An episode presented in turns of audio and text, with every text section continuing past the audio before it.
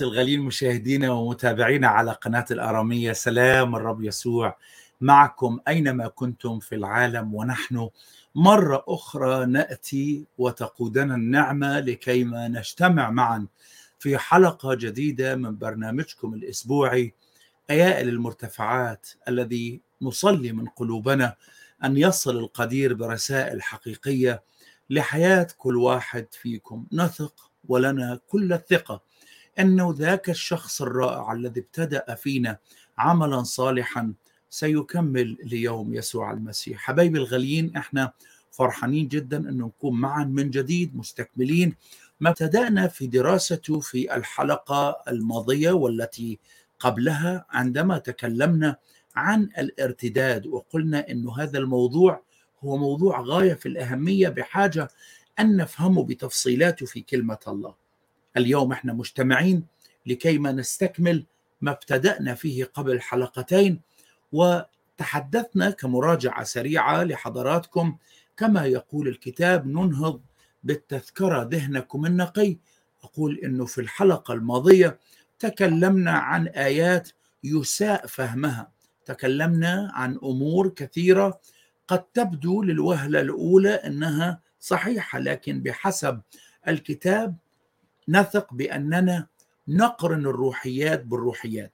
ليست هناك آية أو نبوءة من تفسير خاص بها لكن الكتاب يقدم لنا نفسه كوحدة واحدة لا تتجزأ. لا يمكننا أن نقتطع آية ونفهمها بمعزل أو أن نقتطع فكرة ونفهمها بمعزل عن بقية كلمة الله.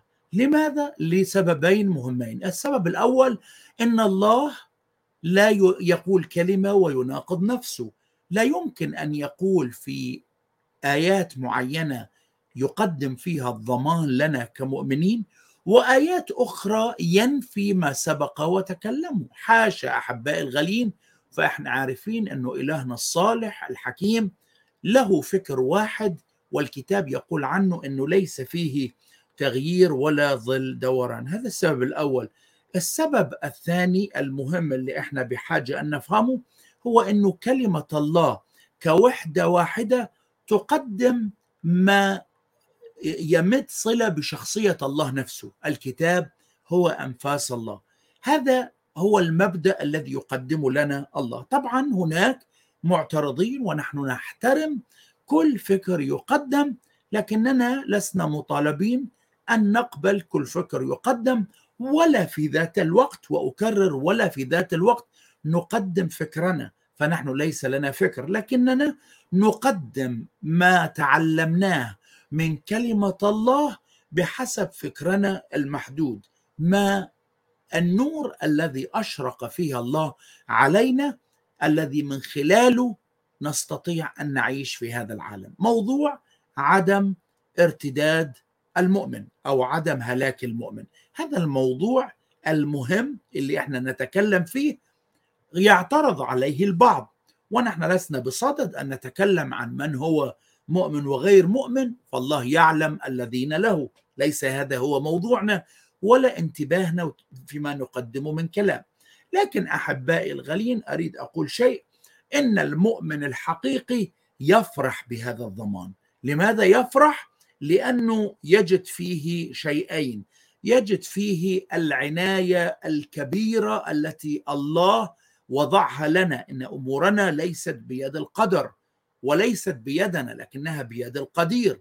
الله هو الذي ابتدأ هذا العمل ولم يبتدئوا على أساس صلاح فينا أو على أساس شيء له علاقة فينا لكن الأمر كله متعلق فيه هو وحده. هذا من ناحية السبب الأول. السبب الثاني هو دافع حقيقي لحياة دافع حقيقي لحياة الأمانة في المؤمن. لست لا, لا, لا أريد أن أتكلم ما هو التأثير في حياة غير المؤمن فالبعض يوجه اللوم لله ويقول إنه يعني الله يعني هو المسؤول عن أمور كثيرة أو هو فرصة لحياة الضياع عند المخدوعين الذين يتصوروا إنهم مؤمنين. طبعا كما أعتدنا من نعمة الله الغنية يرسل لنا أفاضل وخدام. ما زلنا مستكملين مع أخونا الحبيب رجل الله الغالي خادم الرب الأخ جميل اللي شرفنا حلقتين ماضية وحلقات قبلها ومشرفنا بالاستوديو الآن. سلام الرب يسوع يا رجل الله الغالي. سلام المسيح معك أخي الحبيب فادي وسلام ونعمة مع كل أحبائنا المشاهدين الغاليين في كل بقاع الأرض. مسرور جدا نكون معا وممتن للرب لأجل هذه الفرصة الجديدة. أمين أمين. وإحنا أيضا فرحانين بوجودك معنا ومستكملين دراستنا. إحنا أخذنا مقطعين غاية في الأهمية في الحلقة الماضية للتذكير حبايبنا إخوتنا. تكلمنا في الحلقة الماضية عن يوحنا الاصحاح الخامس عشر. نعم. الكرمة مثل الكرمة أبي يعني أبي الكرام. أنا الكرمة الحقيقية وأبي الكرام.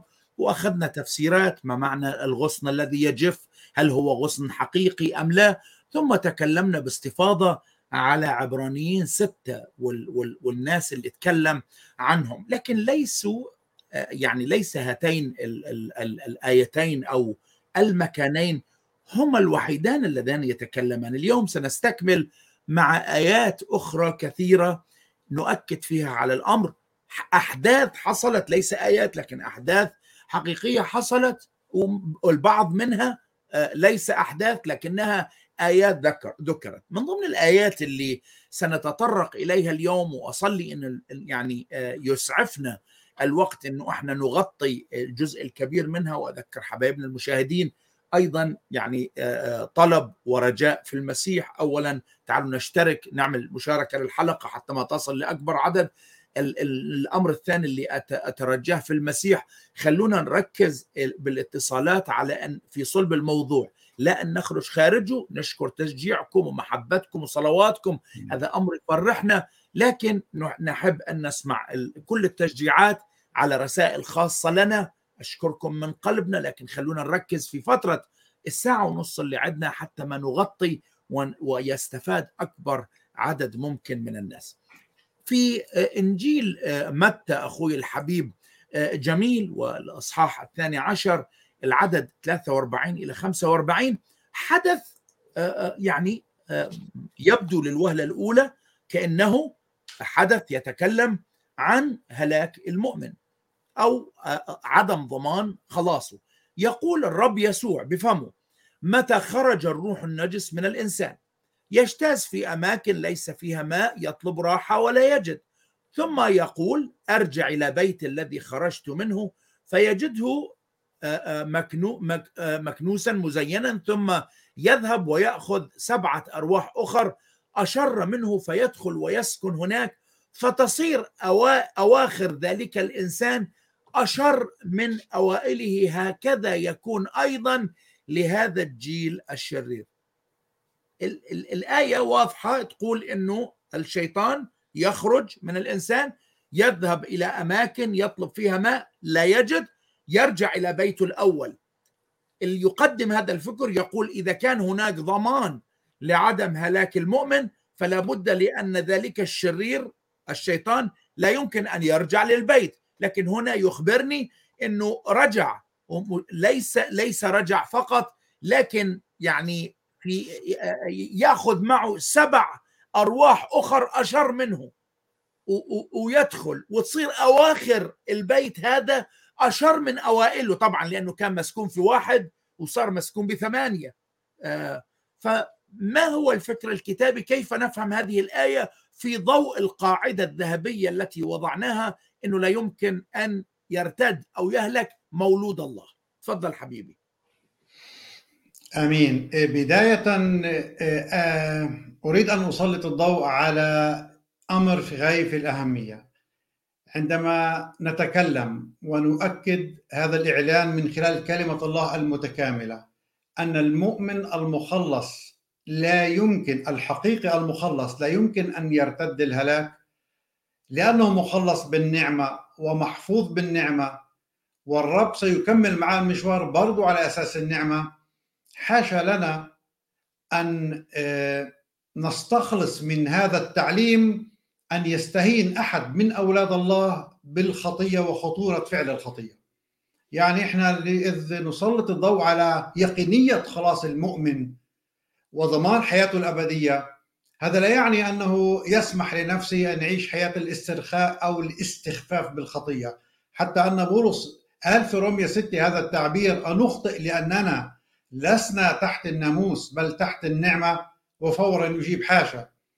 كأن صياغة السؤال هل لأني أنا المخلص أعيش الآن تحت النعمة يجيز لي أن أفعل الخطية متكلا على رحمة الله وغفرانه والإجابة حاشا؟ لأن الذي انتمى لملكوت الرب يسوع المسيح يقينا يريد أن يرضيه في حياته. هذا النص اللي تفضلت وقرأته وأشرت إليه فعلا يثير التساؤل ها نحن أمام حالة ذكرها الرب بفمه الطاهر عن إنسان كان فيه روح نجس وخرج منه؟ استخلاص ظاهري أول أنه إذا نال الحياة. لكن هذا الروح النجس عاد مع سبعة أشر وسكنوا من جديد. فكانت نهايته أشر من بدايته. ما هو المقصود؟ الكلام بحاجة لتوضيح فعلا لكن هقول دائما في تفسير كلمة الله إحنا بحاجة لننتبه للخلفية وللقرينة. والقرينة بشكل عام هي في ثلاثية القرينة القريبة نسميها هي القرينة أي فحوى الإصحاح نفسه حيث جاء هذا الكلام. ثانيا القرينة البعيدة التي هي الرسالة ككل وعما يتكلم هذا السفر إنجيل متى. والثالثة القرينة الكلية التي هي تناغم كلمة الله زي ما حضرتك تفضلت وشرحت في مقدمة الحلقة أن كلمة الله كلها تتماشى معا ولا تتناقض أو تتعارض مع بعضها البعض. إصحاح متى 12 يبدأ في أن الأمة اليهودية المتدينة سلكت في رفض تام لكل ما يقدمه يسوع الذي أتى لكي يوصل خطة خلاص الله للإنسان. فلو نظرنا بمرور سريع لأنه من البداية تذمروا عليه وعلى تلاميذه لماذا قطفوا سنابل في السبت. بعدها وبناء على هذا الأمر أرادوا أن يقتلوه وتشاوروا, فيما بينهم. أكملوا عصيانهم وقساوة قلوبهم فاتهموه أنه ببعلزبول يخرج الشياطين. ولماذا؟ لأنه شفى في السبت إنسان مجنون أعمى وأخرس. يعني حتى أن الرب قال لهم أنتم انتبهوا لأنفسكم يا أولاد الأفاعي. أنتم بتتكلموا وكأنكم تتكلمون بالصالحات لكن الداخل ما زال فاسد. لأنه من فضة القلب يتكلم الفم. فهذه الخلفية العامة لكلام الرب. الآن القرين المباشر لكلام الرب عندما أتى إذ قال إذ خرج الروح النجس من إنسان إلى آخر الكلام. الخلفية المباشرة هي أن هذه الأمة طلبت آية والرب قال لا تعطى لهم إلا آية يونان النبي. وطبعا لابد أن نسأل ما هي آية يونان النبي؟ من نحو المضمون هي بسيطة أن يونان النبي كان في بطن الحوت ثلاثة أيام ثم خرج من بطن الحوت لكن مركبات هذا هذه الآية التي خصص بها الرب لهذا الشعب وقال لهم مش رايح أعطيكم غير هذه الآية هي في هذه الثلاثية. أولا أنه كان يونان في بطن الحوت ثلاثة أيام لكي يرمز أني سأكون في القبر ثلاثة أيام. يونان خرج من بطن الحوت رمز لقيامة الرب يسوع المسيح. والثالثة وهي أهمية أن يونان هو النبي الوحيد في كل العهد القديم واليهودي يعلم ذلك يقينا الذي أرسله الله للأمم إلى مدينة نونوى لكن هون لما كمل آه، الرب كلامه قال لهم سأعطيكم مثالين عن أمم أتوا في الماضي على سبيل المثال نينوى تابت فنالت خلاص. ملكة سبأ هذا الكلام طبعا في سياق ما أنت قرأت بالضبط الفصل اللي قبله. سبأ ملكة تيمن أتت إلى سليمان من بعيد وكان رسالة الرب لهذا الشعب اعلموا أنتم ترفضوني؟ سيأتوا أمم يقبلونني وسينالون الخلاص وأنتم ستبقون في هلاكهم في هلاككم. وهنا أتى الكلام بالضبط اللي حضرتك قرأته إذا خرج الروح النجس. فواضح في نهاية ما قرأنا أنه هكذا يكون أيضا لهذا الجيل الشرير إذا هو يخاطب الأمة عن حالها الحقيقي فالرب يتكلم عن اليهود المتدينين. لكن ما المقصود أنه خرج الروح النجس من الإنسان. ذهب اجتاز في أماكن عاد لقى المكان فارغ مكنس مزين فلم يدخل لوحده. ذهب وأتى بسبعة أخرى فكان النهاية أشر من بداية هذا الإنسان. ما المقصود بكلام الرب؟ بداية علينا أن ننتبه أن الروح النجس يرمز لعبادة الأصنام. والأمة القديمة منذ خرجت من العبودية في مصر إلى أن سبيت السبي البابلي طيلة كل هذه السنين الطويلة كانت تعبد الأصنام. فلذلك هي تشبه إنسان وهذا التشبيه الذي قصده الرب تشبه إنسان فيه روح نجس. وبسبب عبادة الأصنام سبي الشعب إلى بابل سبعين سنة. في فترة السبي القاسية نفروا من عبادة الأوثان وكانوا يميلون إليها بكثرة. والآن أتت فيهم روح جديدة يريد أن ينقوا أنفسهم من عبادة الأوثان. هذا هو التعبير أن الروح النجس خرج أي توقفوا عن عبادة الأصنام. والروح النجس بعدما أن خرج قرأنا فيما قرأنا أنه يجتاز في أماكن ليس فيها ماء. سنفهم لماذا. ويطلب راحة ولا يجد. ما المقصود؟ خرج الروح النجس من هذا الإنسان التطبيق الرمزي. توقفت الأمة اليهودية التي كان يخاطبها الرب هنا في هذا الفصل عن عبادة الأصنام. اجتاز في أماكن ليس فيها ماء إذا ليس فيها إنسان يعيش. يطلب راحة ولا يجد. لماذا؟ لأن الروح النجس لا يرتاح إلا إذا وجد إنسان يدخل فيسكن فيه ويفسده ويبعده عن الله. لذلك مكتوب أنه يطلب راحة ولكن لا يجد. لأنه في أماكن ليس فيها ماء فليس فيها ناس. الآن من نحو الإنسان عامة آه، حتى نأخذ أيضا تطبيق روحي لحياتنا كل إنسان يمقت الشر ويجتهد أن يهذب نفسه ويصلح حياته يشبه فعلا هذا الإنسان الذي خرج منه الروح النجس. لكن في تلك الحالة في كلتا الحالتين إن كان التطبيق الواضح الفوري عن الأمة التي بسبب ضيق السبي تركت العبادة الأصنام التي اتبعتها عمر طويل. أو الحديث عن إنسان مقت الشر وأراد أن يصلح آداب حياته وأخلاقياته في كلتا الحالتين إذا لم يتغير القلب من الداخل ويؤمن إيمانا حقيقيا بالرب يسوع المسيح فمصيره سيؤول إلى حالة أشر بكثير. إيه، تكملة القصة. إنه بعد أن عاد الشعب من السبي لم يقبلوا يسوع كمخلص لحياتهم فأصبحوا فارغين من نحو عدم عبادة الأصنام. لكن البيت فارغ مكنس ومزين دون أن يكون إيمان حقيقي وإذا لم يكن إيمان حقيقي بمعنى لا يسكن في المؤمن الروح القدس. وهذا ما حدث معهم منذ ذاك الوقت ومدة ألفين عام. الرب أراد أن يدخل هو بالإيمان بالروح القدس إلى قلوب هؤلاء رفضوه فما زال البيت مكنس مزين إلى هذا اليوم. والبيت فارغ لأنه آه، آه، خرج منه الروح النجس لم يسكن به روح آخر فلذلك حاليا هو جاهز لاستقبال الآخر. يعود الروح النجس لكي في لحظة كشف الحقيقة المرعبة يتفحص والتعبير بيقول أرجع إلى بيتي. يعني الروح النجس يعتبر هذا بيته وأراد أن يرجع إليه. لما بيلاقيه فارغ ومكنوس ومزين فمعناته هذا البيت آه، فارغ من كل تأثير صالح حقيقي لأنه لم يدخله المسيح بالإيمان. مكنوس معناته خالي من أي مانع لكي يعمل الشيطان في داخله. ومزين وكأنه ينتظر بلهفة أن يعود هذا الروح الشرير إليه. اليهود هذا ما فعلوه مع الرب يسوع في سياق القرينة التي قرأناها. لكن ماذا يفعل هنا الروح النجس؟ أمام هذه الحالة كان ممكن أن يدخل لوحده ثانية ويستقر في هذا الإنسان الذي خرج منه سابقا. لكن قرأنا أنه يذهب لكي يأتي بسبعة أشهر منه لأنه هذا الروح النجس تيقن أن البيت جاهز من جديد وباشتياق لعمل هذا الروح النجس إذ لم يقبل ذاك الإنسان كما هو الحال مع الأمة الشعب القديم الإيمان بيسوع المسيح والعمل النجس فيه كثير في مثل هذه الحالة فيأتي بسبعة أرواح أشر منه.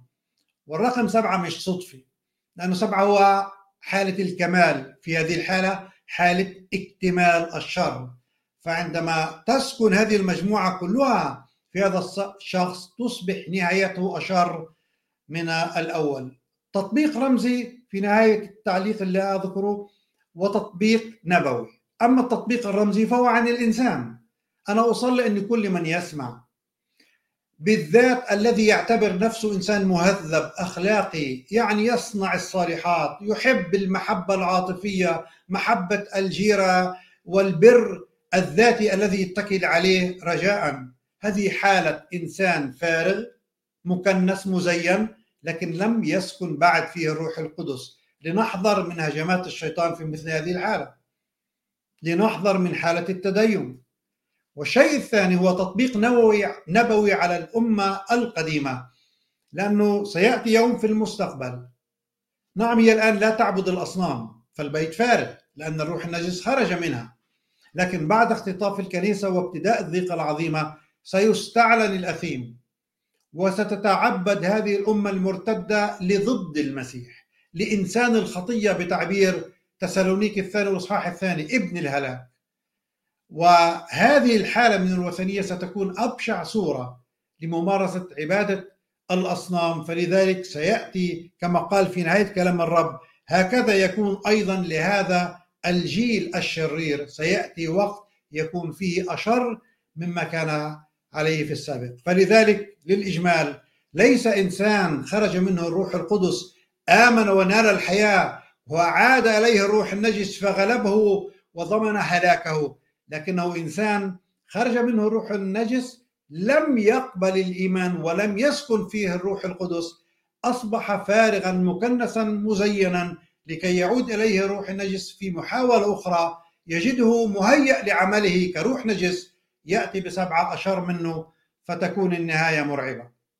أمين أمين. أشكرك حبيبي رجل الله جميل. شكرا للاستفاضة الوافية اللي تكلمت عنها. اذا خلينا يعني في في عجالة. الكلام هنا وإن كان يعني يتكلم عن إنسان لكنه يتكلم عن أمة والدليل إنه يوجه الكلام إلى ليس إلى جيل لكن إلى جيل بالتحديد. يقول هكذا يكون أيضا لهذا إنه يكلم جيل موجود لهذا الجيل الشرير. وأشكرك للكلمة المهمة إن طبقناها روحيا. فواحد يسأل هل بمجرد يعني خلينا نصيغ السؤال بالطريقة الآتية هل خروج الشرير من من إنسان يعني معناها خلاصه الجواب كلا على الإطلاق. الخروج هو نصف الحل. وأستطيع أن أقول إنه ليس عند الشرير مانع أن ينسحب انسحابا تكتيكيا من الإنسان إذا ضمن إنه هذا البيت سيبقى فارغ. إذا ضمن وجود الفارغ طبعا يقنعه بالتغييرات الخارجية. سمعنا كثيرين خصوصا إحنا في بلدان الغرب أولاد يعيشون من عمر المراهقة بمخدرات. أنا شخصيا أعرف شخص يعني عاش حياته بالمخدرات وأخذ جرعة هو وصديقه أكثر من اللازم ودخلوا المستشفى لأنه دخلوا في غيبوبة. صديقه مات جنبه وهو أنقذ في آخر لحظة. وبعدين تغيرت حياته هذا الشخص. وبعد ما تغيرت حياته استقر نضج بطل مخدرات صار عنده عائلة يعني بالضبط مثل ما قال أخوي الحبيب الغالي جميل مكنوسا مزينا لكن المفتاح الذهبي هو بفارغا. هذا هو المفتاح. لماذا نقول؟ لأنه خلينا نعطي آيتين مهمة نفهمها. المؤمن الحقيقي المولود الحقيقي من الله الكتاب قال عنه في أفسس واحد الذي فيه المسيح الذي في المسيح إذ سمعتم كلمة الحق إنجيل خلاصكم الذي فيه أيضا إذ آمنتم ختمتم بروح الموعد القدوس سكن الروح القدس فلم يصبح البيت فارغ لكن صار هناك سكن للروح القدس. أين نجد الدليل؟ كورنثوس الثانية ستة العدد 16 وأي موافقة لهيكل الله مع الأوثان؟ فإنكم أنتم هيكل الله الحي. كما قال الله إني سأسكن فيكم وأسير بينكم وأكون لكم إلها وهم يكونون شعبا. الروح الشرير اللي خرج من الشخص اللي آمن ورجع إلى البيت اللي كان فيه آسف بالإنجليزي نو no فيكنسي البيت سكن بالروح القدس. لا يقدر أن يرجع ويدخل إليه. لكن المفتاح لهذا الجيل أي جيل؟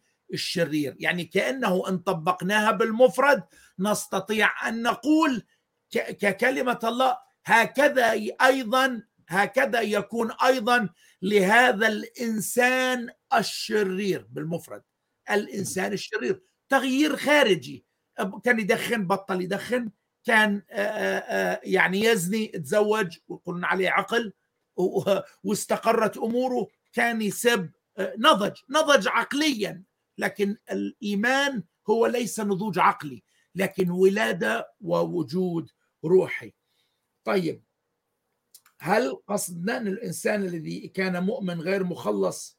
هل قصدك الإنسان الذي كان مؤمن غير مخلص بعدها الحتف أصبح الشيطان فرصة ليسكن به؟ هو ليس مؤمن من الأصل. هو تقبل تقبل تدين فكان ما يروح للكنيسة ابتدى يروح للكنيسة. طبعا هناك أشخاص خلي يعني أعطي مثال في البلدان اللي إحنا فيها هذه. جاءت العائلات المسيحية إلى هذه البلدان واكتشفوا إنه هذا البلدان مفتوحه وفي ضياع. فاخلاقياته لا تسمح إنه الولد يعني يكون شاذ مثلا. فحتى لا يكون شاذ خاف على الولد فكان الملجأ له أنه يلتزم كنسيا يتدين حتى الولد يروح للكنيسة. هي الفكرة حلوة لكن تصب في ميزان مكنوسا مزينا لكن لا تصب في ميزان فارغا. لأنه لو كان يحرص على الفارغا فيقدم له المسيح لكي ما يصبح هذا الشخص هيكلا للروح القدس ويستقر يسكن فيه الروح القدس اللي قال عنه الرب يسوع في إنجيل يوحنا هذا يمكث معكم إلى الأبد. خلص صار ملكية خاصة لله وهذه هي ببساطة معنى القداسة. القداسة هي تخصيص. كنا ملكية عامة صرنا ملكية خاصة لله بالعهد القديم يقول قدس لي أبكار غنمك. قدس لي يعني خصص لي أبكار غنمك. الرب يسوع قال لأجلهم أقدس أنا ذاتي. لقصد لأجلهم أخصص أنا ذاتي. طيب أخويا الحبيب الغالي جميل أشكرك للترتيبات. خليني يعني أخذ سؤال آخر أوجهه لحضرتك. قصة حنانيا وسفيرة أخي الحبيب جميل. نعم. آه يا ريت نحط أخونا جميل على الشاشة لو سمحتوا ال control. ال control لو سمحتوا الأخ جميل. هل تعلم عزيزي المشاهد طيب. الرب باركك أخي الحبيب جميل. قصة ثانية المرة هذه ليست آية. المرة هذه هي يعني قصة. نعم. قصة لشخصية في أعمال خمسة تتكلم عن شخصيتين حنانية وسفيرة. اللي ماتا ماتا لأنهم باعا حقل واختلسا من أموال الحقل دخل حنانيا وتمت المحاورة بينه وبين بطرس ومات. قال له لأنك كذبت على الروح القدس. وبعدين بعد ساعات جاءت سفيرة لا تعلم ما الذي حصل لزوجها. وبطرس قال لها بهذا الثمن بعتم. قالت له نعم. قال لماذا اتفقتما هو ذا أرجل الذين حملوا حملوا يعني زوجك يحملونك. ماتت هي أيضا. أليس هذا؟ شخصيات مخلصة مخلصة وفقدت خلاصها. بهذا بهذا الموت ولا ما هي الفكرة حبيبي؟ تفضل آمين. نعود لنؤكد كعنوان. علينا أن نفهم هذا الأمر أن في داخل دائرة الانتساب المسيحي أو الاعتراف المسيحي يوجد صنفان مجموعتان. مجموعة مؤمنين حقيقيين. لها الخلاص والحياة الأبدية مهما حدث معها في غربة حياتها على الأرض. مجموعة أخرى منتسبة لها ظاهريا انتماء إلى المسيحية لكن الداخل ما زال شرير ولم يتغير ولم يسكن فيه الروح القدس. هو هالك لا محالة بالرغم من حسن أخلاقه. عشان هيك يجب أن ننتبه لما نقرأه. هل يكلمنا عن مؤمنين؟ أم يكلمنا عن معترفين اسميين؟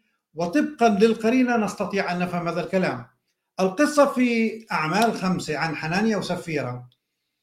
يسبقها نهاية إصحاح أربعة عن جو خاص ومميز للشركة التي ميزت الكنيسة الأولى منذ بدايتها. إحنا معناش وقت نقرأ كل الآيات لكن في عجالة أقول إنه كان كل جمهور المؤمنين لهم قلب واحد ونفس واحدة في شركة غير اعتيادية حتى أنه لم يكن أحد يقول عن ما له أنه له بل كان يبيع حقولا وبيوتا ويأتوا بكل المال عند أقدام الرسل وهكذا يوزع على الجميع. ثم يختم الإصحاح الرابع ويذكر بالذات أنه يوجد رجل اسمه برنابا باع حقلا وأتى بالمبلغ عند قدمي الرجل الرسل. الآن لماذا أشار الوحي إلى برنابا بالذات وذكره لأن برنابا هو من أصل لاوي والذي من أصل لاوي بحسب الطبيعة والشريعة لا يملك حقولا ولا ممتلكات. لكن حدث أنه على اسمه في حقل يعني كأنه شيء غالي وبالرغم من ذلك محبته لأجل الشهادة والشركة تنازل عنه وقدم كل المبلغ كاملا للرسل. هنا يأتي القصة عن حنانيا وسفيرة في إصحاح خمسة والسؤال الأول الذي يتبادر للذهن. هل نتكلم عن زوج وزوجته مؤمنين حقيقيين هلكوا بسبب خطيتهم أم عن منتسبين مزيفين ادعوا أنهم ينتمون إلى دائرة المؤمنين وفعلوا ما فعلوه من أجل كسب المديح وما شابه من المحيط الذي يعيشون فيه؟ قرينة الكلام وسياق الكلام كما سنوضحه في دقائق قليلة الحديث عن مؤمنين لكنهم في ضعفهم أخطأوا وكان التأديب فوري بموت الجسد لكن ليس هلاك الروح. أوضح الكلام. هنا نرى لأول مرة نجاح لدخول الشيطان إلى داخل الكنيسة لكي يدس سم ممكن نسميه سم الحي. لأنه كل الإصحاحات التي سبقت إصحاح خمسة في سفر الأعمال كانت تعلمنا عن هجوم من الخارج. الآن أول مرة ينجح فيها الشيطان أن يدخل في الداخل. واللي صار إنه حنانيا باع الحقل جاب جزء من ثمن الرسل. هذه بحد ذاتها ليست خطية. إذا ما هي الخطية؟ ما دام قد أتى بجزء من حقل هو ملكه الخاص أنه تظاهر بأنه يعطي كل ثمن الحقل للرسل. تظاهر وكأنه يخدم خدمة كاملة مع أنه يسلك في الكذب والرياء. مضمون الاتهام اللي خاطبوا فيه بطرس هو لماذا كذبت على الروح القدس وليس على الناس؟ والذي يكذب على الروح القدس تابع بطرس وقال أنت في الحقيقة تكذب على الله. وهنا يجب أن ننتبه قبل ما أكمل تفصيل الآيات لشيء يخص كل من يسمعني من أولاد الله. أن تعمل عملا صالحا جزئيا. بهذه الحالة أعطى جزء من ثمن الحقل. لا يمحو الخطية التي فعلها. فنحن لا يعني نعلم افعل صالحات لتغطي على السيئات. لا إحنا ندعو الكل أولاد الله ليجتهدوا في حياة القداسة ورضا الرب وإن أخطأوا نعترف تائبين فيغفر لنا على أساس دم المسيح. لكن الذي يقول أن ما تصرف به حنانيا ورافقته زوجته فيما بعد في ذات سياق الفكر والتصرف وتصرف حسن فلماذا هذه القساوة نسميها؟ الحقيقة الحسنات لا تبطل السيئات والذي يعلم بمثل هذا التعليم هذا تعليم شيطاني. لابد أيضا أن نسأل. طيب لماذا كان هذا القضاء التأديبي إلى هذه الدرجة من الفورية وحتمية الموت؟ يعني ممكن نسأل وكأني أسأل في لغة كرة القدم لماذا لا لم يخرج له بطرس بطاقة صفراء وأعطاه إنذار وقال له توب عما فعلت ولا تعيدها مرة أخرى؟ لماذا فورا بطاقة حمراء وطرد من هذا العالم بمعنى موت جسدي لكن تحت التأديب وليس للهلاك. كإجابة لهذا السؤال أقول إن غيرة الله على تكوين الكنيسة في بداية طريقها لم تحتمل فعل الخطية في داخلها.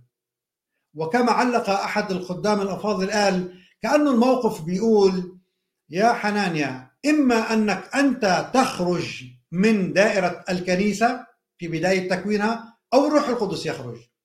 لكن واضح أن الروح القدس أتى لكي يسكن في المؤمنين وبطرس آه، أنزل قضاء بسلطان من عند الله أن يموت حنانيا لأنه فعل هذه الخطية التي رافقته أيضا زوجته وكان لها نفس نفس المصير. سؤال لابد منه أو سؤالين. كيف عرف بطرس أن حنانيا يكذب؟ وأن طبعا زوجته أيضا عندما أتت بعد ثلاث ساعات أيضا كذبت. وثانية من أين له السلطان أن يحكم بالموت التأديبي؟ الإجابة بكل بساطة أنها كانت قوة معجزية تخص عصر الرسل أعطيت لهم وسلطان من عند الله أن يميزوا بقوة الروح القدس مثل هذه الخطية. إحنا شفنا أيضا شيء مشابه للي بيدرس كلمة الله ما فعله آه، بولس عن الأخ الذي زنى في كورنثوس الأولى خمسة فقال يسلم مثل هذا آه، للشيطان لهلاك الجسد لكن لكي تخلص الروح. في ختام الفكرة اللي حابب أقول عن حنانيا وسفيرة أنهم مؤمنان مؤمنان وقعا تحت التأديب للموت. إنه اليوم لا ت... الله لا يمارس هذا التأديب الفوري. لكن كورنثوس الأولى 11 بيعلمنا أنه تبدأ بحالة ضعف وإذا استمر المؤمن في عصيانه حالة مرض وإذا استمر في عصيانه يأتي إلى النهاية في الرقاد. لكن هنا كان القضاء فوري لأنه الكتاب بيعلمنا هذه الفكرة. أختم فيها. أنه في كل مرة كان الله يضع نظاما من عنده لكي يمتد ملكوته حسب نظام من عند الله فكل من أخطأ في بداية هذا النظام لإفساده نال عقابا فوريا. مثال واحد عندما الله أعطى الناموس لموسى للمرة الأولى والشعب كان يعبد العجل الذهبي نزل موسى عن الجبل في ذات اليوم مات ثلاثة ألاف شخص. عندما قدم ابن هارون نارا غريبة في لويين عشرة لأن هناك ابتدأ نظام جديد خدمة الكهنة. وقدموا نار غريبة خرجت نار من عند الرب وأكلتهم. أيضا عخان في خطيته. لما استلزم قضاء فوريا لأنه فعل ما فعل ضد ترتيب جديد وضعه الله في دخول يشوع إلى أرض كنعان برضو كان القضاء فوري. وهكذا كان الحال مع حناني وسفيرة. هم من المؤمنين المخلصين لكنهم سقطوا تحت تجربة الشيطان أخطأوا في خطية الكذب والرياء والتظاهر بعكس الحقيقة إذ أعطوا جزء وقالوا أعطينا الكل. فكانت النتيجة آه، موت تأديبي حتى أنه يقال هذا التعبير مرتين في عدد خمسة. صار خوف عظيم على جميع الذين سمعوا وعدد 11 صار خوف عظيم على جميع الكنيسة وعلى جميع الذين سمعوا لأن الله بغيرة قوية. في بداية تكوين الكنيسة كان في قضائه يؤدب أولاده في مثل هذه العقوبة. أمين أمين. رائع. حبيبي أخوي الغالي. جميل. معنا أخونا الحبيب نادي كتب تعليقين رائعين. أحب أشارك فيه المشاهدين. يقول إنه خلفية القصة في أعمال أربعة يقول وكان لجمهور الذين آمنوا قلب واحد ونفس واحدة ولم يكن أحد. يقول إن شيئا من أمواله له بل كان عندهم كل شيء مشتركا. مشتركا أليس هذا دليل على أنهم مؤمنين؟ وهذا دليل فعلا. وأين الدليل الكتابي على أنهم هلكوا؟ الكتاب لا يقول أنهم هلكوا لكن يقول إنه تحت تأديب ماتوا. والكتاب يقول في كورنثوس الأولى الإصحاح الحادي عشر والعدد 30 من أجل هذا فيكم كثيرين ضعفاء ومرضى وكثيرون يرقدون. وهذا شيء رائع نتعلم منه. أيضا هناك ملاحظة مهمة في يعني أعمال خمسة قبل أن نخرج. فاصل يقول هكذا بطرس يا حنانيا لماذا ليس سكن الشيطان قلبك؟ لكن لماذا ملأ؟ لأن الشيطان لا يسكن في القلب. الشيطان يسكن في الجسد ككل وليس في القلب. لكن هنا نعرف أنه الرب يسوع يقول من الداخل من قلوب الناس تخرج الأفكار. القلب يعني معناها أنه جوهر الحياة. فالأفكار الاعتماد النفسي تخرج منه الأفكار. ماذا خرج من هذه الأفكار؟ ملئ بأفكار ماذا؟ أفكار كذب واختلاس. هذا اللي عمل. وليس سكن إبليس فيهم وحركهم.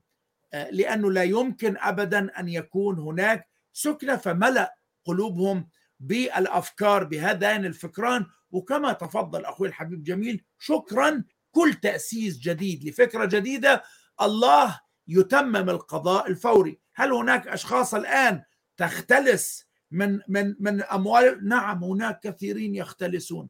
يكفي انه حتى ما يعطون عشور.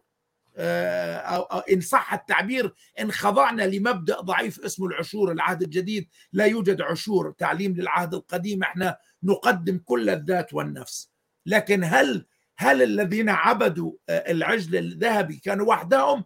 بعدها عبدوا العشتروت والبعل لكنهم لم يموتوا تحت التأديب بطول أناة الله لكنها نقول أمور قضائية تأسيسية. الله يضعها حتى ما ينصب الأحداث. طيب واللي بعدهم؟ ألا يتعرضوا لا طول أناة الله. رح يجي وقت يقفوا وسيدفعوا الثمن. الله يعني خلي أقول شغلة في في نظام المحاكمات اللي نشوفها حتى بالمحاكمات التلفزيونية القاضي يقول شغلة تؤجل إلى الجلسة رقم الله عمل نفس الشيء يؤجل الحكم إلى الجلسة القادمة. لماذا؟ لأنه إحنا في سنة الرب المقبولة لكن سيأتي بعدها يوم انتقام لإلهنا. حبايبي الغاليين رح نخرج فاصل بعد الفاصل مستكملين ستكون الخطوط مفتوحة نستطيع فيها أن نتواصل. ابقوا معنا سنكون معكم بعد هذا الفاصل القصير. هل تعلم عزيزي المشاهد أن إرسالية الآرامية تغطي الآن جميع دول النافذة 1040 في آسيا وإفريقيا في البلدان والمناطق التالية؟ الصين وهونغ كونغ وتايوان الهند سريلانكا باكستان نيبال. آسيا الوسطى الشرق الأوسط. شمال إفريقيا وسط وجنوب أفريقيا شمال أمريكا وأوروبا. هذه المناطق كلها يصلها البث من قنوات الآرامية عن طريق ثلاثة أقمار رئيسية وأكثر من 26 كيبل بالإضافة إلى الأجهزة والمنصات الرقمية الأخرى في جميع أنحاء هذه الدول. يقوم بإدارة وتنسيق برامج هذه المناطق سبعة من الخدام والمديرين. نشكر الرب الذي أعطانا بركات وفيرة في العمل منها. الامتداد بالبث في الهند من خلال 15 كيبل. إضافة برنامج على البث المباشر إلى الصين وآخر إلى الهند.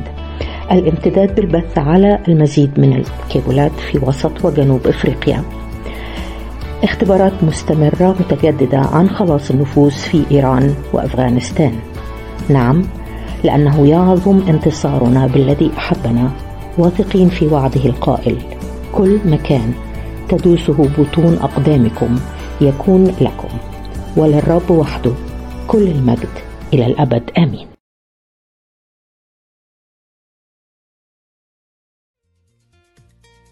إلى الأحباء شركاء الخدمة. نشكر الرب لأجل محبتكم وتشجيعكم المستمر بالصلاة والدعم المادي للخدمة. لقد وقفتم معنا منذ أول يوم وحتى الآن. استطعنا أن نكمل العمل بالوصول برسالة الإنجيل إلى دول النافذة. 1040 اللي هي 1040 والتي تشمل أفريقيا والهند والصين. لقد أعاننا الرب أن نقف بثبات ونكشف زيت التعليم وهرطقات إنجيل الرفاهية التي يبثها عدو الخير في الكنيسة وبين المؤمنين كما نقدم في هذه الأيام سلسلة برامج عن المعاناة لأجل الكرازة بالإنجيل. والآن نعمل في مشروع التلمذة لتسجيل برامج بثماني لغات هندية. كما أننا نحقق تقدما في العمل والأداء لتكون جميع قنوات شبكة البث الأرامي على ال iCloud لضمان الأداء بتقنيات أفضل. نشكركم لأجل استمرار دعمكم المادي ونذكركم أنه يمكن الدعم بإرسال شيك إلى الأرامية على العنوان البريدي الظاهر على الشاشة أو عن طريق موقعنا على الإنترنت الباي بال أو الاتصال بالرقم 248-416-1300 والرب يبارك جميعكم.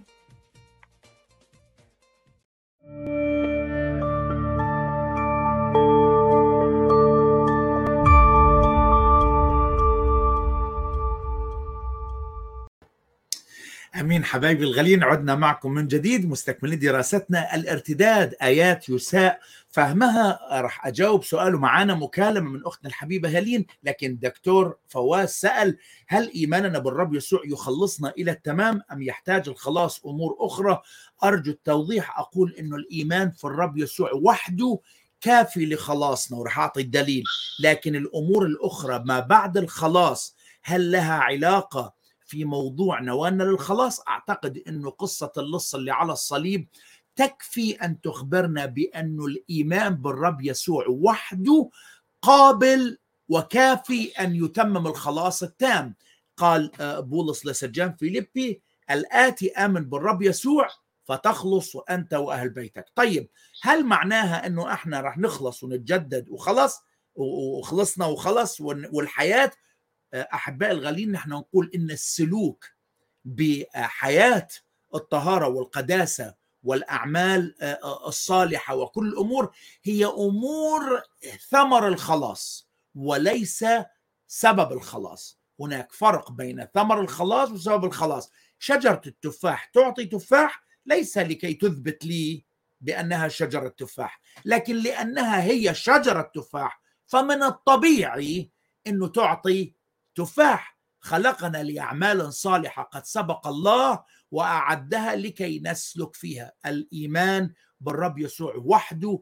كافي لأن يوصلنا إلى السماء لكن إن مدت حياتنا بعد هذا الخلاص لابد وأن تظهر ثمار لهذا الخلاص. لذلك الكتاب يقول إيمان بدون أعمال ميت أي إنه إيمان بلا معنى إن لم يثمر لمجد الله وبذلك يثبت بأنه إيمان حقيقي فأثمر لله. طيب معانا مكالمة من اختنا هيلين ومعانا أخونا بالاستوديو رجل الله جميل سلام المسيح أختي هلين سلام المسيح لكم جميعا رب يبارككم ويقويكم ونشكر رب من أجلكم. كلكم شكرا أختي الغالية. موضوع شيق ومهم. كلش ويعني مستمتعين جدا بان نسمع أمين توضيح عن آيات يعني فعلا أمين. نساء فهمها أمين آه عندي سؤال تقريبا توضح لكن أحب شوية يعني بم يعني أخليه بيومنا الحالي اللي دا مم. نشوفه يعني نعم آه، مثل القوة أو المسحة اللي كان الرب منطيها للرسل أنه غير عن مثلا اليوم إحنا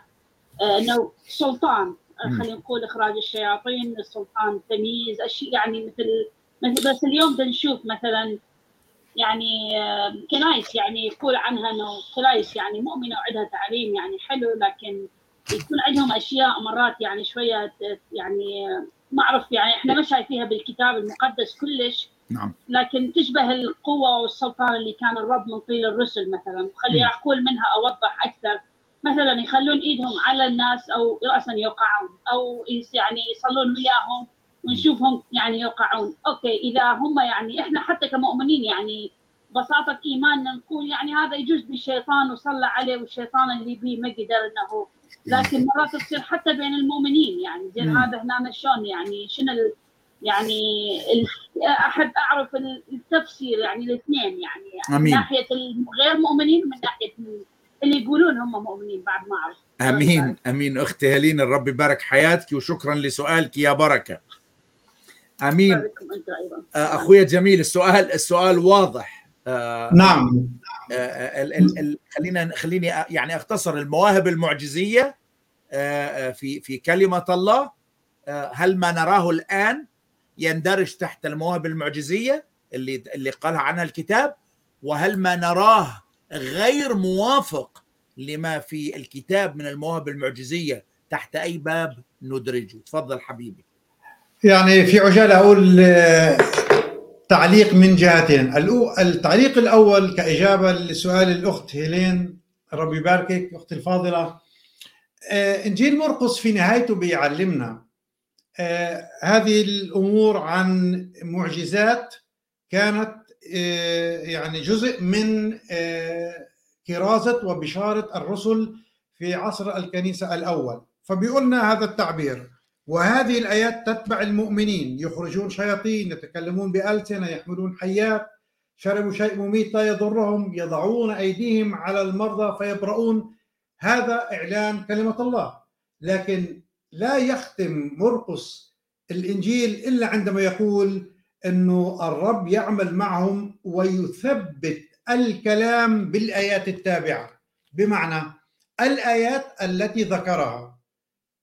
وذكرتها الآن من آه، مرقس اصحاح 16 كانت تهدف لتثبيت الكلام الذي كانوا يكرزون به إذ كان الوحي المقدس لم يكتمل بعد. فعندما كان هنالك إعلانات والكارز آه، آه، بإنجيل ربنا يسوع المسيح يقول هذا إعلان من كلمة الله بولس بطرس يوحنا وما إلى ذلك كان لابد أن يرافق هذه الإعلانات ككلام يقال أنه كلام الله آيات معجزية بسلطان من الله للرسل لكي يثبت الكلام. لكن بعدما اكتمل الوحي المقدس وأصبح إعلان الله كامل فهو لا يعطي هذه المعجزات من أجل التسلية أو حتى إنسان يعمل ما يبهر الآخرين. أصبحت الكرازة هي بالإنجيل. الملاحظة الثانية التي لابد أن نقولها أن الذي يصنع المعجزات ليس الإنسان لكنها قوة الله من خلال الروح القدس الذي يعمل في داخل دائرة الإنسان. والذي صنع المعجزات قبل ألفين عام الله يصنع المعجزات اليوم نعم يصنع المعجزات في المستقبل يقينا لكن ليس لأن الإنسان هو صاحب سلطان يضع يده على مريض فيبرأ أو يشرب من سم الحية فلا يموت. وصلي أن لا أن لا يفعل هذا أحد لأنه سيموت يقينا إذا شرب سم الحية المميت حتى لو كان أكبر مؤمن. لكن آه، آه، ما يصنعه الروح القدس هو إذ أو ما نراه من أعمال معجزية حقيقية هي إظهارات الروح القدس في هذه الأيام. في الختام أقول اللي بتشوفيه بيعمل ما ممكن أسميه شو عرض لكي يبهر الناس. ولكي يجذب الأنظار إلى شخصه.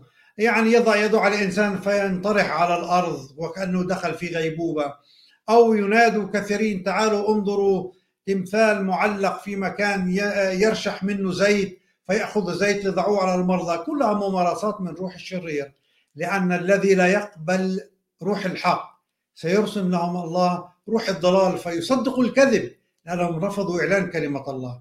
هذا ما أظن التعليم الكتاب الصحيح نعم. من نحو المعجزات والسلطان الذي أعطي في بداية الكنيسة للرسل أمين. أشكرك حبيبي أخوي الغالي جميل. حطيت إيدك على نقطة مهمة جدا جدا جدا. وهذا اللي الكثيرين يسقطون فيه حبايبي الغاليين. الله لم يعمل استعراض لقوى خارقة حتى الناس تؤمن. انتبهوا لهذه النقطة. لماذا؟ لأنه الجواب موجود بالكتاب ومفهوم بسيط. خليني أعطي مثل. هل الرسل بكل ما دونوا لي الروح القدس بأعمال الرسل كل المعجزات اللي عملوها هل ارتقت واحدة منها إلى مستوى إنه إنسان قد أنتن ويقوم يخلق له أعضاء جديدة؟ لم نرى معجزات ترتقي.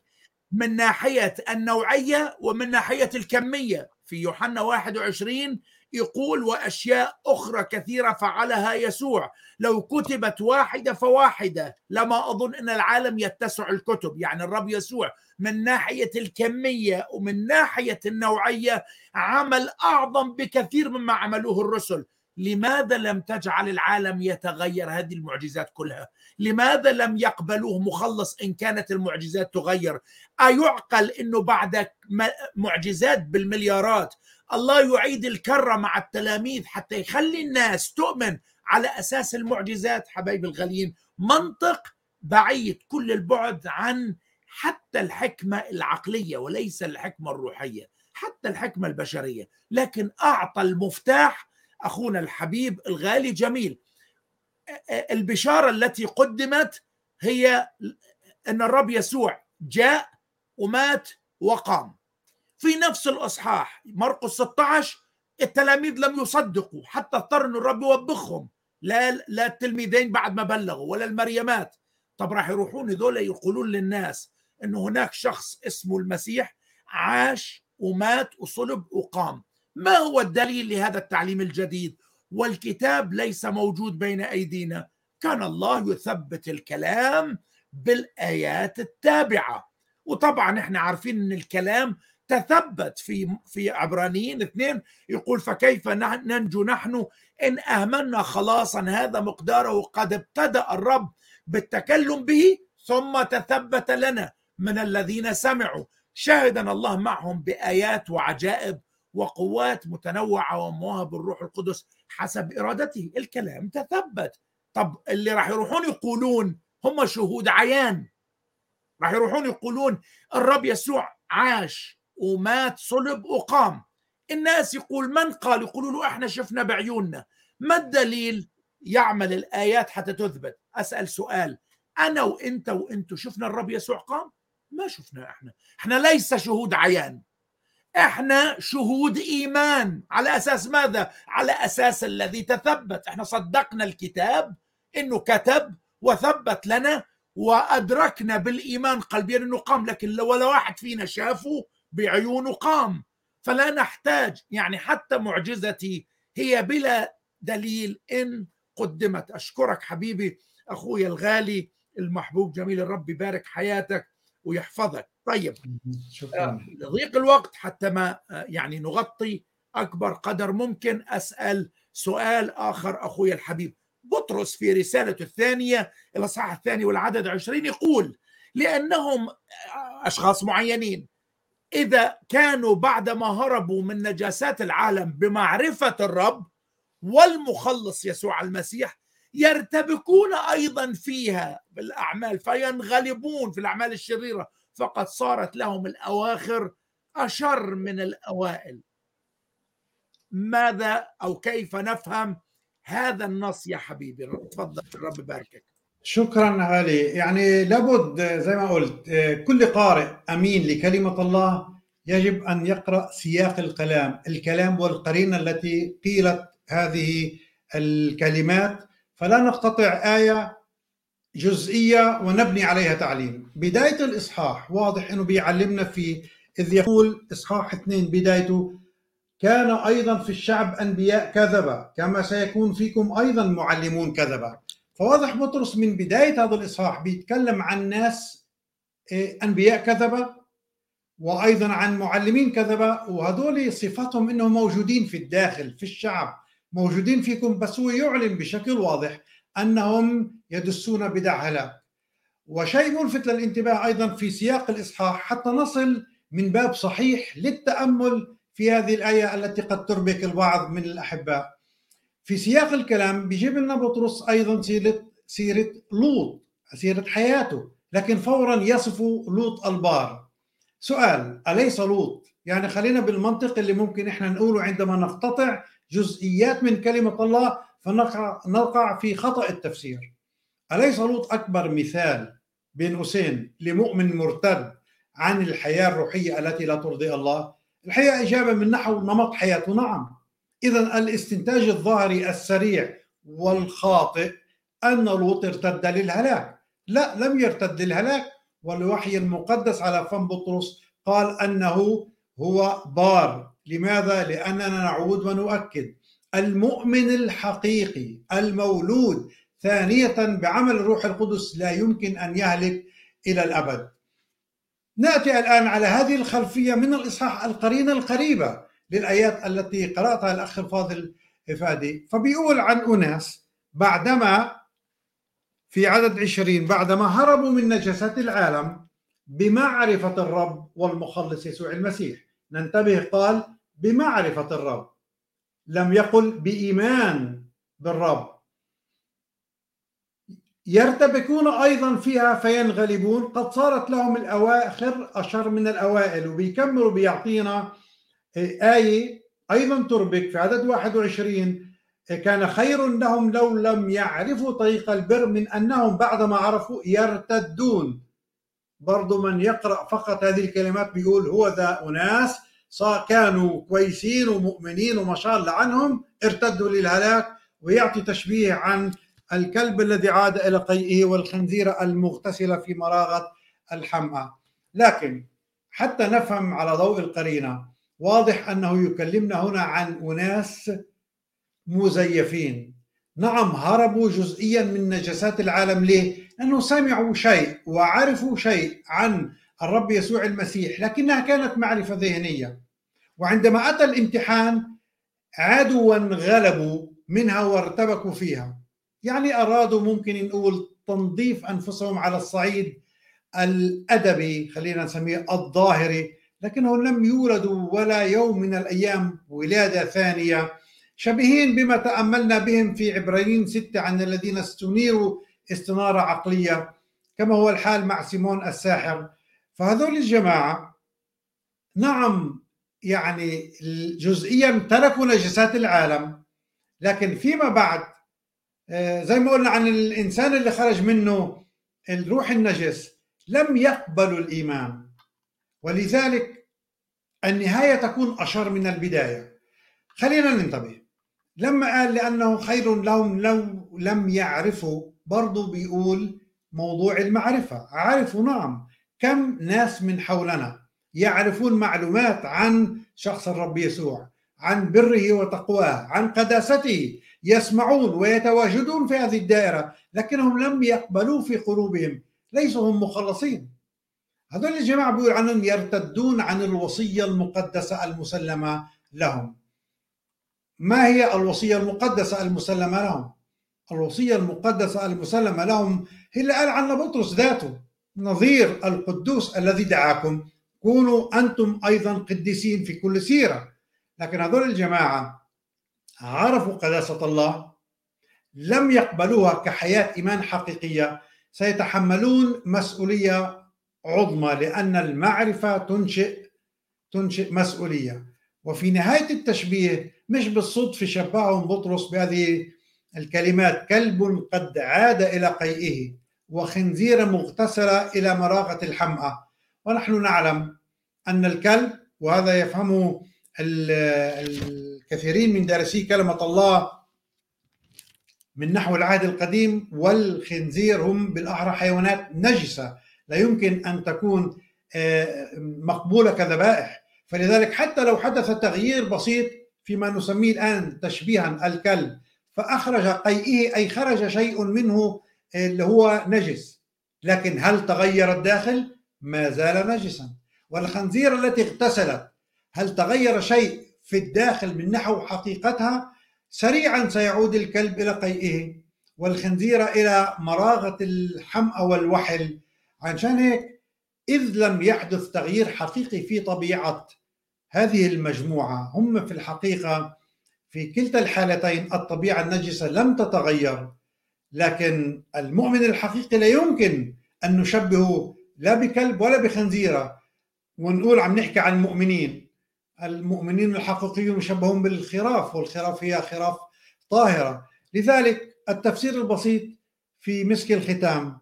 أن هذه الجماعة عرفوا معلومات عن الرب وقداسته.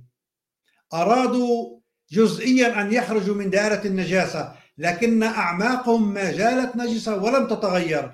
هؤلاء فورا في لحظة آه، يأتي فيهم المجرب يرتدون ثانية إلى حياة النجاسة وينغمسون فيها كما كانوا. أمين أمين. أشكرك حبيبي اخويا الغالي جميل. وهنا خليني أقول سؤال مهم. يمكن لم نفكر فيه لكن خذوه في نظر الاعتبار. سؤالي هو هل كل تلميذ للرب يسوع مؤمن؟ طبعا منطقيا نتصور إنه كل تلميذ للرب يسوع هو مؤمن. لا يا حبايبي الغاليين الكتاب يعطيني دليلين إنه ليس التلاميذ هم مؤمنين. المثال الأول الواضح المعروف لكلنا آه، يهوذا أحد التلاميذ. هل كان يهوذا التلميذ مؤمن؟ لا يا احبائي الغاليين الكتاب يسميه ابن الهلاك الذين أعطيتني حفظتهم ولم يهلك أحد منهم إلا ابن الهلاك. في في يوحنا ستة يقول في العدد 66 ومن هذا الوقت رجع كثيرون من التلاميذ إلى الوراء ولم يعودوا يمشون معه. يعني ليس كل تلميذ مؤمن ليس كل من عرف وخزن معلومات في ذهنه هو مؤمن حقيقي. لكن الكتاب يخبرني إنه التلميذ الحقيقي هو اللي كسيده. بالضبط. هذا هو التلميذ الحقيقي. التلميذ الحقيقي يشابه سيده. ليس التلميذ أفضل لكن يشبه سيده في كل شيء. هذا هو مقياس التلميذ الحقيقي. عندك إضافة أخوي الحبيب جميل؟ تعليق بسيط وسريع في عجالة الآية اللي تفضلت فيها أخ فادي من يوحنا 6 66 بيقول من ذاك الوقت رجع كثيرون من ننتبه لدقة الوحي من تلاميذه نعم. إلى الوراء ولم يعودوا يمشون معه. صحيح. فالوحي بيعلمنا أنه ظاهريا هذه المجموعة ليست تلاميذ حقيقيين مع أنه قال تلاميذه لأن آخرون يرون فيهم هكذا لكن مخدوعين. وهذا الحال سيستمر في الملكوت ما دمنا في الغربة. في نعم. داخل الملكوت المسيحي يوجد صنفان يوجد قمح مؤمنين حقيقيين لكن يوجد أيضا زوان زرعهم الشيطان ليس لهم نصيب.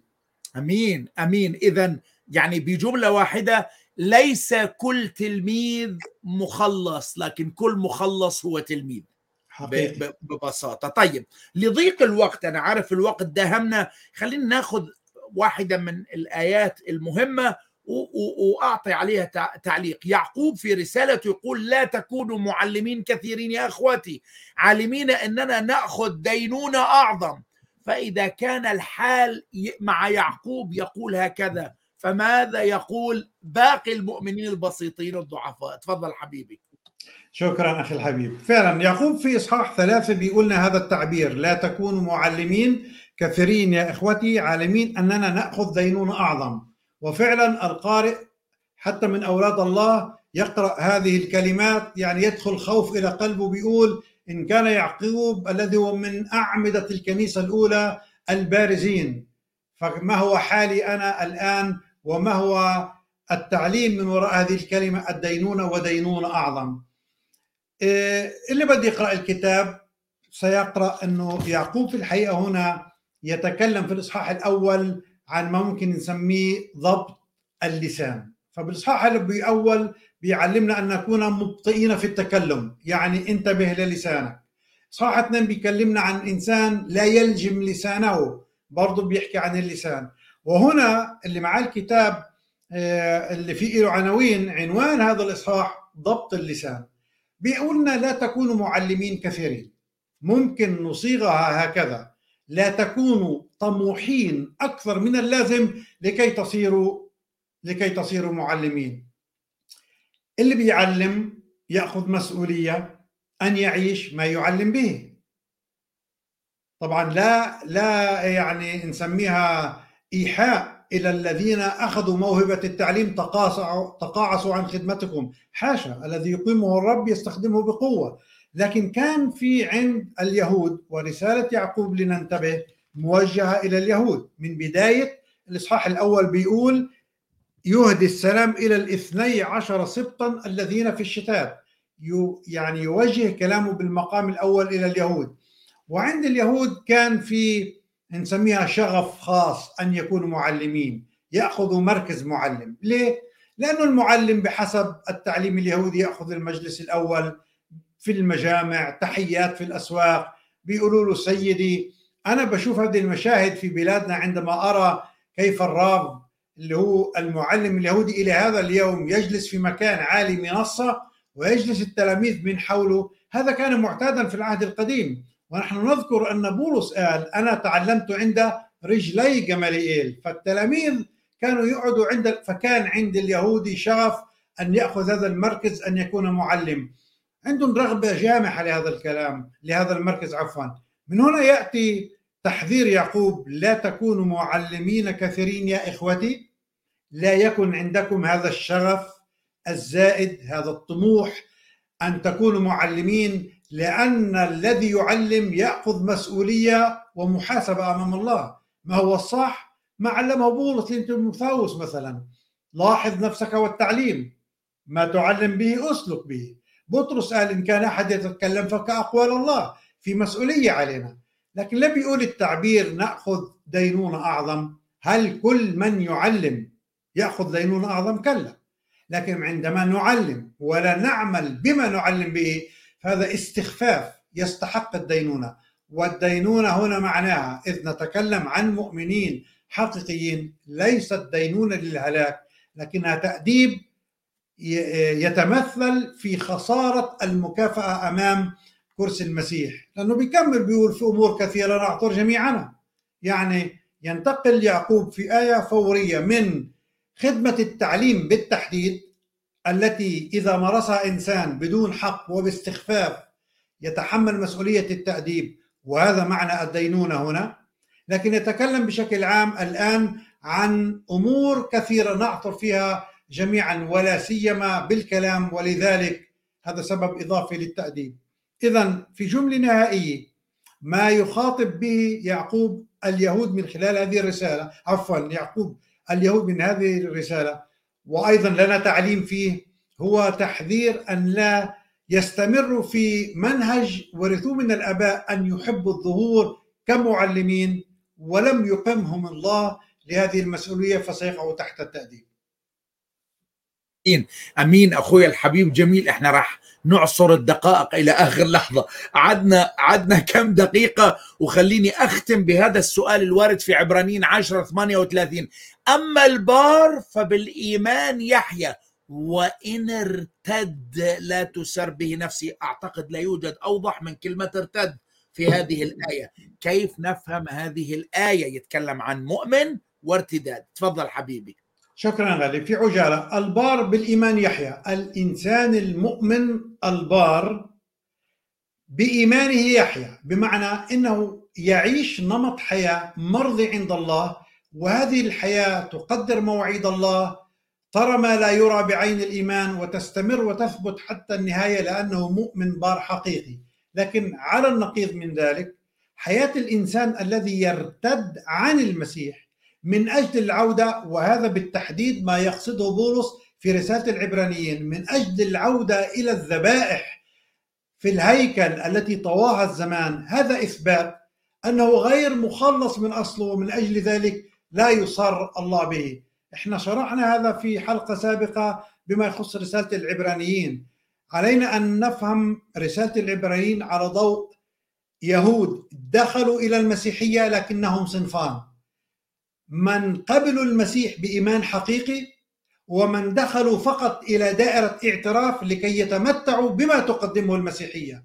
لكن في اللحظة الحاسمة فاحص القلوب يعلم أن المؤمن الحقيقي يثبت في إيمانه فيثمر كبينه وبرهان أنه مؤمن حقيقي.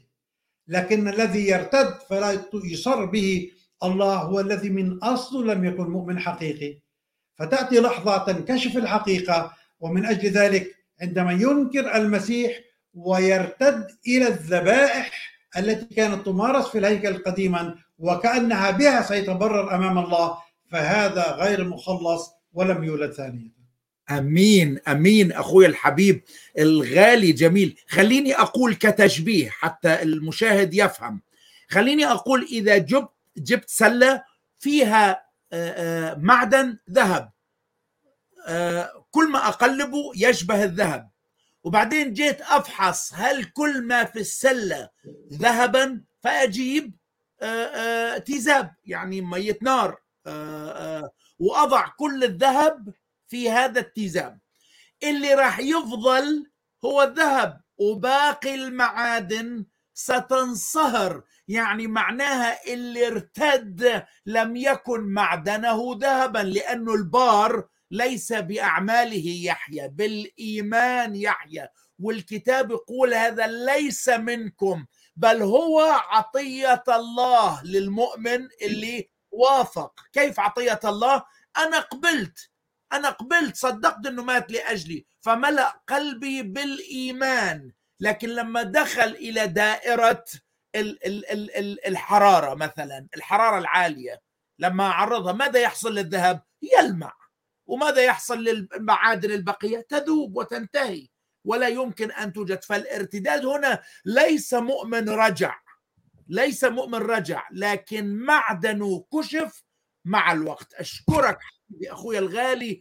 جميل أنا فرحان كثير كثير يعني آه، بكل المداخلات حبيبي اللي اللي قلتها خلينا في دقيقة دقيقتين. أترك لك الفرصة الأخيرة ونختم حلقتنا في رسالة واضحة للمشاهدين. تفضل حبيبي.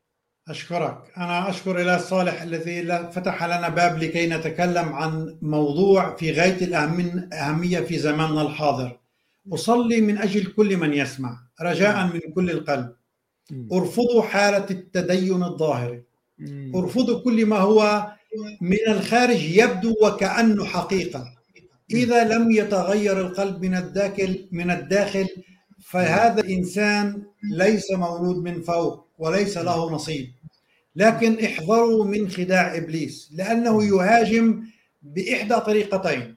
إما يزمجر كأسد لكي يخيف أو أنه يأتي كالحية لكي يبث سمومه. وهنا يستعمل المخاتلة والحيلة. يركز الآن إبليس على الأسلوب الثاني لأنه يريد أن يخدع الإنسان ويوهم أنه يسير في رضا الله فقط على ضوء التغيير الخارجي. هذا الإنسان في اللحظة الحقيقية يرتد إلى الهلاك لأنه لم يولد من فوق. نعم. فأصلي أن ما تأملنا فيه في الحلقات السابقة وحلقه اليوم. لا يكون لأجل معلومات لكن لكي يفحص كل إنسان ايمانه هل هو حقيقي من القلب؟ والبينة الأولى أنك تحب الرب أنك إذا أخطأت يؤنبك الروح في داخلك فتعود تائبا أما أنك تستكفي في مظهر خارجي وممارسات طقسية لا تضمن لك الحياة. هذه صلاة كل من يسمع أن نختذل وقتنا في الرياض أمين أمين. أشكرك. أخوي الحبيب رجل الله نورتنا وأثريتنا ونصلي أن يعوضك القدير. كل بركة ويزيدك نعمة ويعوضك مئة ضعف كما وعد سيدنا حبايبي الغاليين في نهاية حلقتنا لهذا اليوم. نشكر الله من أعماق القلب لأجل كلمته الحية والفعالة. أصلي من قلبي. أن يكون لا, لا ليس زدنا معلومات لكن زدنا ثقة وتمسك إن لم تختبر نعمة الله الباب ما زال مفتوح. تعال تعال سيزيل عنك ما هو يشبه الذهب. أحد ال ال ال الأشخاص قال إن الذهب يذهب والفضة تنفض والمال يميل ولن يبقى إلا الإيمان الحقيقي. فتعال لا تؤجل كل من الخيرات عجل. هو بانتظارك تعال إليه. إن كنت مؤمن حقيقي وما زل متقلقل امسك بالنعمة حبلها أقوى. أقوى من ثقتك في نفسك. أقوى من ثقتك في اللي حواليك. إنه الحبل الذي لا ينقطع. الذي يعد فيه يقول القادر أن يحفظكم غير عاثرين ومسؤول أن يوقفكم أمام مجده بلا عيب. بالابتهاج نستودعكم بيد القدير. سلام سلام لشعب الرب في كل مكان. سلام المسيح معكم. امين